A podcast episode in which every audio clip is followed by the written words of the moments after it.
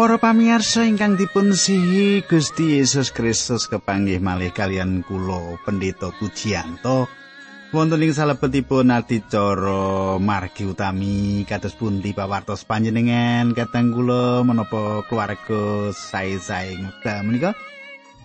Lan pandonga kula kateng kula supados panjenengan tansah pinayungan tining Gusti kang murping jagat lan tansah nampi kabingahaning kesang menika Kadang kula lumantar adicara menika kawula badhe sinau badhe ngendherekaken panjenengan naliti sinau kayektosan ing kitab suci menika lan ugi nderekaken panjenengan nyemak kayektosan kayektosan ingkang kapratelaken ing kitab suci menika. Pangajeng-ajeng kula panjenengan pikantuk berkah secara kasukman lumantar adicara menika lan pandonga kula saged migunani kangge gesang panjenengan. Sugeng midhangetaken adicara menika.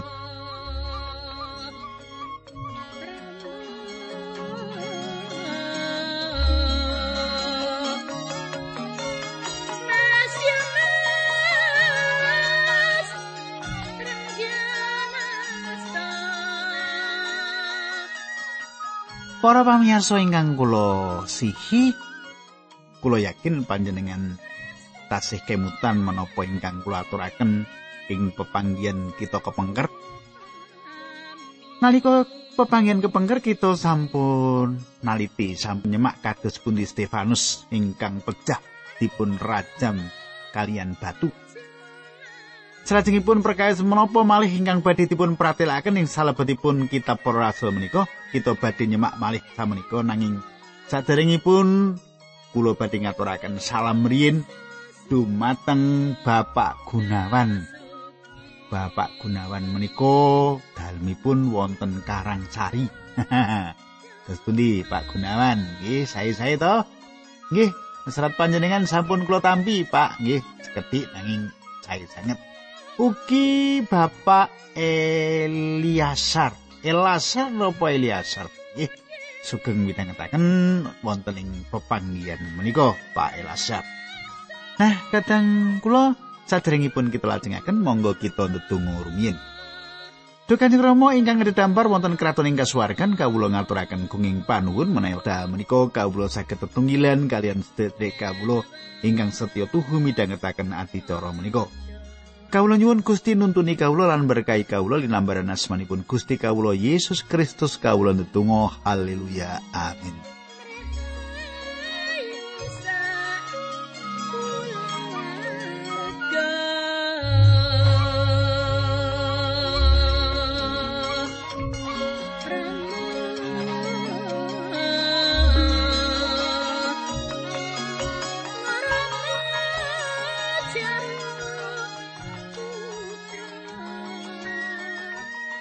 Para pamirsa, samenika pasinaon kita sampun ngancik kitab Para Rasul bab 8 nggih. Ora kerasa kita sampun ngancik kisah Rasul utawi Para Rasul bab 8. Kula badhe maosaken ayat setunggal A lan setunggal B. Makaten surau sing pangandikan. Saulus dhewe rujuk menawa Stefanus dipateni.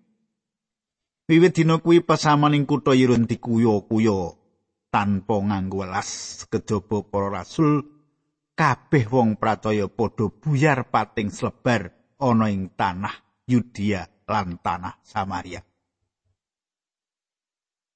Kadang kula Saulus mimpin ing salebetipun nganingaya Stefanus lan piyambakipun nembe bingah Saulus saking Tarsus gumun ing wekdal piyambakipun ningali praupanipun Stefanus. Stefanus tumengo dhateng langit lan piyambakipun ningali putra manungsa jumenenging sisih kanan Allah. Saulus mboten ningali menapa-menapa. Nanging Saulus gadah pengajeng-ajeng supados piyambakipun saged ningali menapa ingkang dipun tingali Stefanus.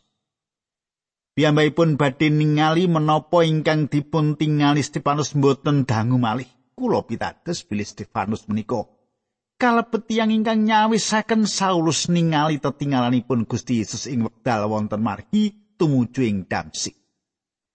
Saulus dados pemimpin panganiaya gereja. Inggih awet menika gereja dados kocar kacir. Saleresipun piyambakipun nindakaken kesainan dumateng gereja, tiang-tiang Kristen sedaya wonten ing Yerusalem. Kula gagas tiang-tiang Kristen menika mboten badhe medal saking Yerusalem menawi mboten dumados panganiaya ingkang dipun tindakaken Saulus menika. Yudia lan Samaria satunggalipun daerah kelajenganipun ingkang dipun dawuhaken Gusti supados dipun lebeti. Yudia menika ngupengi Yerusalem lan Samaria ingkang mapan ing sisih ler Yerusalem. Kita lajengaken ayat kalih. Ana wong mursid sawetara sing ngubur layon Stefanus, wong-wong mau banget nggone padha nangisi. Ayat kala wau meratelaken ana wong mursid sawetara sing ngubur layone Stefanus wong-wong mau banget nggone padha nangisi kadang kula ingkang kula tresnani wonten pitakenan ingkang tubuh ing jaman sakmenika menapa leres utawi lepat kangginipun tiang Kristen menawi layon menika dipun kremasi? Ana pitakonan nggih. Piye nek ana layon ana jisim gitu jenazah menika dipun kremasi khususipun kangge tiyang pitados manut kula. Menawi wonten tiyang Kristen lajeng dipun kubur menika kados dene nyebar wiji. Inggih menika ingkang dipun rembak Paulus wonten ing tunggal Tesalonika sekawan Paulus ngrembak badan minangka wiji ing salebetipun setunggal Korinta bab kang 11 rak panjenengan boten ngobong wiji saderengipun panjenengan tanam to Ngubur layar ing siti member kalian ngubur wiji minangka satunggalipun paseksi. Satunggalipun bukti saking iman panjenengan kangge patangen ing mangsa tembi. Kadang kula mboten aneh malih raganipun Stefanus ajur ngegirisi. Tiang-tiang sami ngangkat layanipun lan ngubur layan menika kados dene panjenengan nanem wiji. Stefanus sampun suwani ngarsanipun Sang Kristus ingkang saweg ngentosi wonten ing kasuwargan raganipun dipun kubur kangge ngentosi patangen. Nah, bab patangen menika kula dherekaken panjenengan nyemak setunggal Korinta kang 11 ayat kawan dosa kalih ngantos kawan sekawan. Nggih, setunggal Korinta kang 11 ayat kawan dosa kalih ngantos sekawan kawan. Kaya mengkono bakal kaanane wong mati besok yen katange. Nalika badan kakubur, badan mau nandang rusak, nanging besok yen badan katangekake kaanane bakal langgeng. Nalika dikubur kaanane badan mau nesta lan ringkih nanging yen wis katangekake kaanane bakal indah lan kuat. Nalika kakubur badan mau arupa badan wadak nanging sawise katangekake bakal arupa badan kasukman yen ana badan wadak ya ana badan kasukman. Menika ungeling pangandikan setunggal Korinto gang 11 ayat kawan dosa kali ngantos kawan sekawan. Kula mboten saged ningani bilih kremasi, nggih nyukani kegambaran kegayutan perkawis menika. Menika satunggalipun gambaran penguburan Kristen ingkang saestunipun. Bumi ingkang tambah sepuh menika sampun nyimpen layon ngantos ewon taun lan tasih wonten pangginan kangge ngubur. ayat telu. Nanging Saulus ngudi supaya bisa nyirnakake pasamuan. Mulane saben omah dileboni ngendi ana wong pracaya lanang waduna kabeh padha digeret metu lan dilebokke ing kunjuru. Kadang kula ingkang kula tresnani, panjenengan gatosaken. Saulus singgih menika satunggalipun nem-neman ingkang kebak semangat. Emut bilih piyambakipun salajengipun nyerat gagayutan kelan badanipun piyambak ing salebetipun Filipi 3 ayat 6. Lan mergo saka sregepku aku nguyo-uyo pesamuan. Menika ditulis makaten. Sak menika para rasul 8 ayat 4. Kosok baline wong pracaya sing padha pating slebar mau ana ing ngendi wae parane tansah padha ngabarake Injil. Sederek kula ingkang kula tresnani, kita semak akibat saking panganiaya menika. Akibat saking panganiaya menika. Saleresipun panganiaya mboten mambengi gereja, nanging malah jembaraken pakaryan gereja. Ing wekdal salajengipun Paulus badhe nyeksekaken ingkang sami sasampunipun piyambakipun dipun kunjara ing Rom. Ing salebetipun serat Filipi setunggal ayat 12 makaten seratanipun. Para sedulur, padha ngerti yen perkara-perkara sing wis ndak alami kuwi malah njalari Injil saya sumebar. Kula mboten pitados bilih gereja saged dipun risak saking Jawi. Gereja, nggih, gereja malah saged dipun risak saking lebet. Kula mboten pitados bilih gereja sampun risak saking Jawi. Gereja malah saged dipun saking lebet. Salajengipun kita dipun kenalaken kalian diaken kaping kalih ingkang dipun ginakaken Allah secara ngidapi-dapi. Saniko nyandak ayat 5. Para Rasul 8. Filipus lunga menyang kutha Samaria lan wewarta marang wong-wong ing kono yen Gusti Yesus kuwi Sang Kristus. Sedulur kula ingkang kinasih. Gusti Yesus nate ngendika bilih tiang-tiang pitados badhe dados seksi kangge panjenenganipun ing Yerusalem lan Yudea lan Samaria. Samenika pangandikan menika badhe dumugi ing Samaria. Cobi panjenengan semak ayat 6. Wong akeh padha ngrungokake temenan marang piwulange Filipus lan uga weruh mukjizat-mukjizat sing ditindakake. Sederek kula ingkang kula tresnani, sanus gadah ganjaran nindakaken tondo ingkang gumunake ing jaman gereja ingkang kawitan lan samenika kita semak bilih Filipus ugi gadah ganjaran kasukman ingkang sami. Mboten sedaya tiang gadah ganjaran kasukman menika namung tiang-tiang ingkang wonten ing salebetipun alur kepemimpinan. Tiang-tiang ingkang lantaraken pangandikanipun Allah medaling jagat. Wonten wekdalipun tondo ingkang gumunaken badhe icak. Wonten wektalipun tondo ingkang gumunaken badhe icak. Tondo-tondo ingkang gumunaken menika icak sasampunipun jaman para rasul ing wekdal kanon kitab suci sampun lengkap lan mapan pramila bukti gegayutan manungsa Allah ingkang yektos sanes mapan wonten ing kesagetan nindakaken tondo ingkang gumunaken nanging mapan wonten ing wucalan utawi doktrin ajaran ingkang leres. ayat pitul wolu. Demit-demit sing padha ditundungi saka ing wong-wong sing padha kesurupan, padha metu karo jerit-jerit, uga akeh wong lumpuh lan wong pincang padha diwarasake. Temaning kutha Samaria kuno wong-wong padha bungah banget. Kadang kula Injil samenika sampun dumugi ing Samaria. Filipus sampun dipun tampi sae ing Samaria lan sedaya papan. Injil anda tengaken kabingahan ageng. Samenika awet gereja sawak mekar ngidapi-dapi saleresipun wonten tiang-tiang ingkang gabung kalian gereja nanging sanes tiang-tiang pitados. Sinau sasaleresipun tiang-tiang menika sanes tiang pitados. Tiang-tiang menika nindakaken kados dene tiang ingkang gada iman. Kita badhe pinanggih kalian tiang ingkang kados makaten menika, nggih. Sabarin. Ayat 9. Ing kutha kono ana wong jeneng Simon. Wis wiwit biyen Simon kuwi gawe erame wong akeh ing kutha Samaria kono srana ilmu sihir. Simon mau ngakune wong sing pinunjul.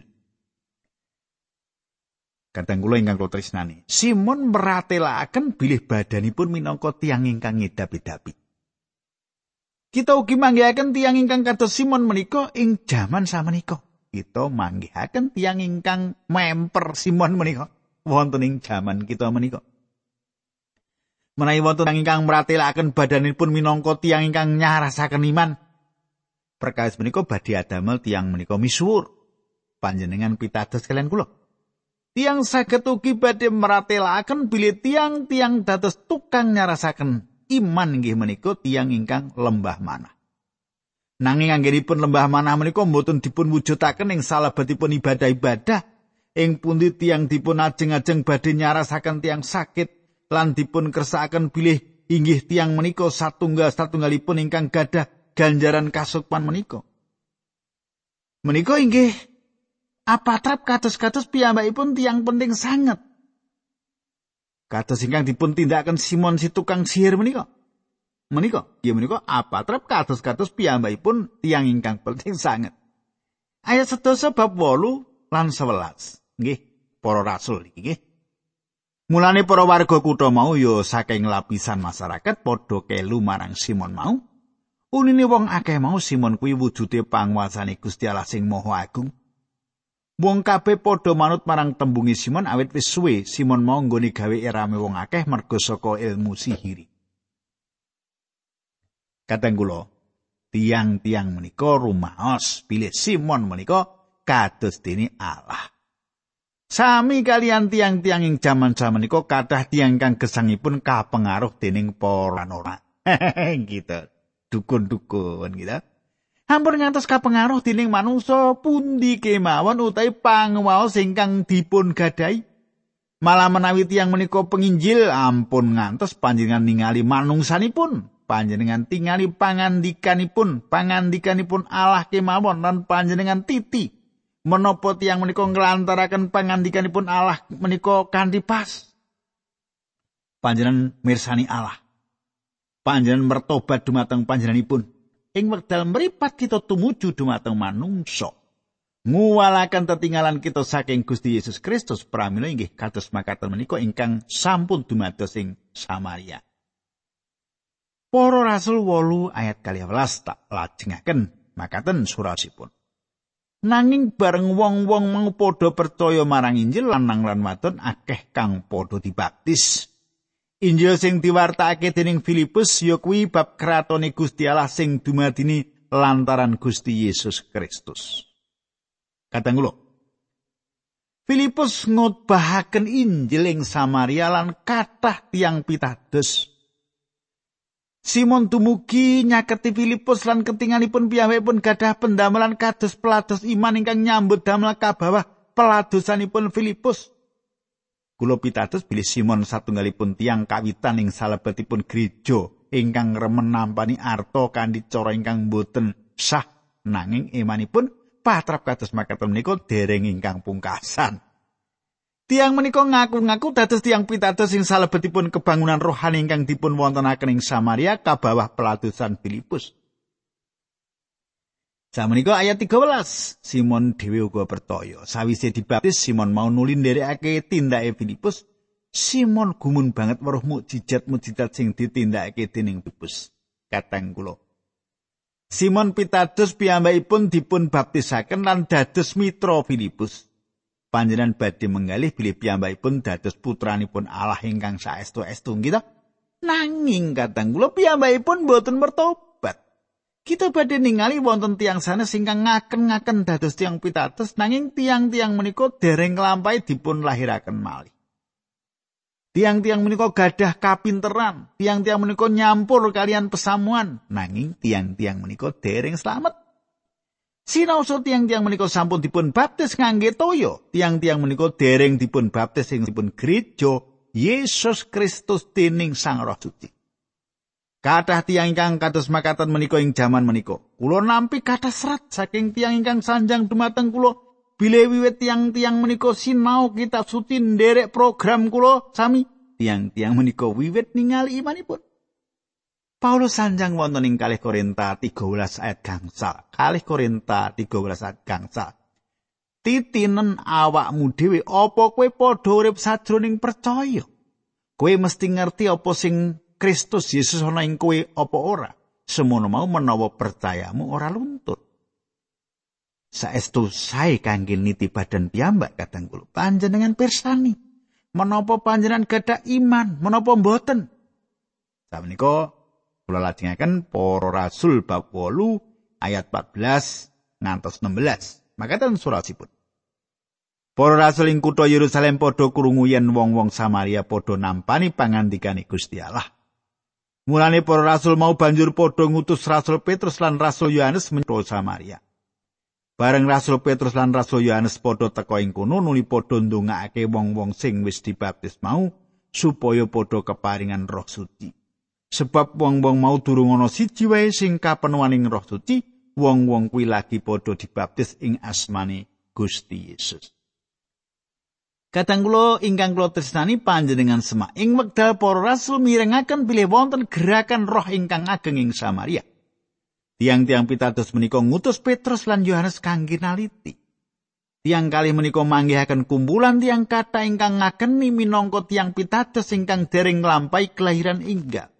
Tiang-tiang menika sampun dipun baptis Sang Roh Suci ing salebetipun gereja. Nanging tiang-tiang menika dereng dipun wilujengaken. Tiang-tiang menika namung nderek upacara lahiriah kemawon. Kadang kula dipun baptis kanthi toya utawi nderek sawijining upacara sanes, mboten badhe adamel panjenengan dados tiang Kristen. Perkawis menika dados pangertosanipun kita ing bab asal usul kenging menapa Simon saged dipun mupangataken tiang sanes. Piyambakipun remen pikiran kegayutan ninda akan mukjizat. Para Rasul 8 ayat pitulas. Rasul Petrus lan Rasul Yohanes nuli numpangake tangane ing sirahe wong-wong mau teman padha kapenuan ing Roh Suci. Kadang kula samenika Sang Roh Allah sampun anglebeti ing salebeting tiang-tiang menika. Kula gagas perkais menika kedah dipun tingani saking asal usul sejarahipun. Dawuh dipun paringaken dumateng para rasul kangge mbikak saben neladan inggal lan ngenalaken Injil. Ing dinten Pentakosta Injil dipun lantaraken ing Yerusalem. Petrus lan Yohanes kedah nglantaraken Injil ngantos dumugi Samaria lan Yudea. Paulus badhe dados rasul kangge tiang sanes Yahudi. Gusti Yesus sampun maringi dawuh menika. Kita samenika ningali dawuh menika sawek dipun ganepi ing Samaria. Samenika ayat 18 lan 19 para rasul bab 8. Simon weruh wong-wong nggone padha kapenuaning Roh Suci, merga rasul-rasul numpangake tangane ing sirahe wong-wong mau, mulane Simon nuli nawani dhuwit marang Rasul Petrus lan Rasul Yohanes. Karo matur, mbok kula panjenengan paringi panguwasa supados saben tiyang kang kula tumpangi tangan nuntun sami kapenuaning Roh Suci. Kadang kula Simon kepengin numbas ganjaran kasukman menika. King menapa? Awit tiang-tiang menika inggih menika tiang ingkang apus-apus sing babagan agami. Piyambakipun kepengin mupangataken ganjaran kasupan menika kangge pados keuntungan. Kados menapa asringipun patrap ingkang kados makaten menika dipun tindakaken ing jaman samenika. Tiang-tiang menika meratelaken bilih mukjizat ageng dumados ing salebetipun pepanggihan-pepanggihanipun lan kanthi lembah manah sanjang bilih perkawis menika mboten wonten gegayutanipun kalian tiang-tiang menika. Menawi makaten perkawisipun kenging menapa tiang-tiang menika ngidinaken patrap apus-apus kados makaten menika terus luampah.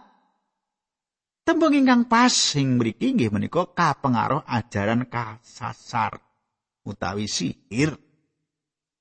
Kata tiang ingkang ginakaken agama ing sakiwa tengen kita ingkang mucalaken bucalan nyasar dumateng tiang kathah wiwit jaman rumiyin ngantos dumugi samenika. Panganiaya saking Jawi mboten krisak gereja. Gereja kocar kacir nanging Injil tambah kagelar jembar. Menapa ingkang ngrisak gereja inggih menika kisruh ingkang dumados saking lebet ngaken-ngaken dados tiang pitados nanging satarsipun sanes. gitu. Nah, perkawis ingkang sami dumados atas Gusti Yesus to. Panjenenganipun dipun khianati saking pundi? Saking lebet. Gusti Yesus dipun khianati bangsanipun piyambak lumantar salah satunggal muridipun. Bangsanipun Gusti piyambak ingkang ngianati panjenenganipun kanthi masrahaken Gusti Yesus dumateng kakasiaran Rom lan tiyang Rom ingkang nyalipaken panjenenganipun. Ugi ing wekdal samenika panjenenganipun dipun kianati saking salabetipun gereja. Iblis miwiti kanthi nganiaya gereja, nyerang gereja menika saking Jawi. Ayat kali dosa ngantos likur, para rasul wolu makaten surasipun. Nanging Rasul Petrus mangsuli, kena laknat kowe lan duitmu mergo kowe ngira yen peparingi Gusti Allah kuwi kena dituku nganggo duit. Kowe ora melu apa-apa ana ing pegawean iki mergo atimu ora beres ana ing ngarsane Gusti Allah. Kadang kula inggih menika sebabipun kita mangertos bilih tiang menika dereng bertobat. Petrus meratelaken bilih mana Simon boten lenceng, boten wonten ing margine ngalah. Piyambakipun dereng bertobat. Kawigatosan utamanipun inggih menika dhateng arta nggih ayat 23 nganti 23 Mulane mrato bato saka kelakuanmu sing ala kuwi lan nyuwuna pangapura marang Gusti Allah tumrap pikiranmu sing kesasar kuwi. Mergo aku ngerti yen atimu isih kebak drengkilan kuwi isih dikuasani dening dosa. Kadang kula panjenengan mboten saged damel kados ingkang dipun ucapaken Simon Petrus sing langkung keras malih. Ayat sekawan ikur, Simon banjur matur marang Rasul Petrus lan Rasul Yohanes, mugi panjenengan kersa nyuwunaken kula dhateng pangeran. Supados kula mboten kedawan paukuman ingkang panjenengan ngendikaaken menika. Kadang kula ingkang kula tresnani panjenengan katosaken. Simon mboten nyuwun supados dipun wilujengaken. Piyambakipun namung nyuwun supados mboten wonten satunggal kemawon gegayutan perkawis ingkang gegirisi menika nempuh piyambakipun. Kita mboten mangertos menapa tiyang menika tundhonipun swan dumateng Sang Kristus menapa mboten ngantos dumugi sapriki kula mboten mangertos. Ayat selangkung sawise maringi pasesi lan ngabarake Injil ning kono Rasul Petrus lan Rasul Yohanes nuli padha bali menyang kutha Yerusalem. Ing sadalan-dalan rasul-rasul mau padha ngabarake Injil ing desa-desa ing tanah Samaria kono. Kadang kula Injil miwiti anggenipun sumebar ngantos ing pojok-pojok ing bumi. Sumebaripun kawiwitan saking Yerusalem. Para rasul wonten ing mriku lan gereja dipun adekaken. Mboten dangu salajengipun punjering kekristenan pindah dhateng Antioquia, salajengipun pindah dhateng Efesus, ing tembinipun pindah dhateng Alexandria, salajengipun dhateng Rom, Injil sampun dipun wartosaken ngantos ing pojok ing bumi. Kadang kula kelajenganipun kados pundi panjenengan semak dinten tandhaipun kita samenika ndedonga. Kanjeng Rama ing swarga matur nuwun sanget dene wekdal menika kawula saged tetunggilan kaliyan sedherek kawula lan kawula sampun sinau kayektosan saking pangandikan Gusti. Kula suwun Gusti piyambak kanthi roh suci paduka ingkang nuntuni. Sederek-sederek kawula menika linambaran asmanipun Gusti Yesus Kristus kawula nutung. Haleluya. Amin.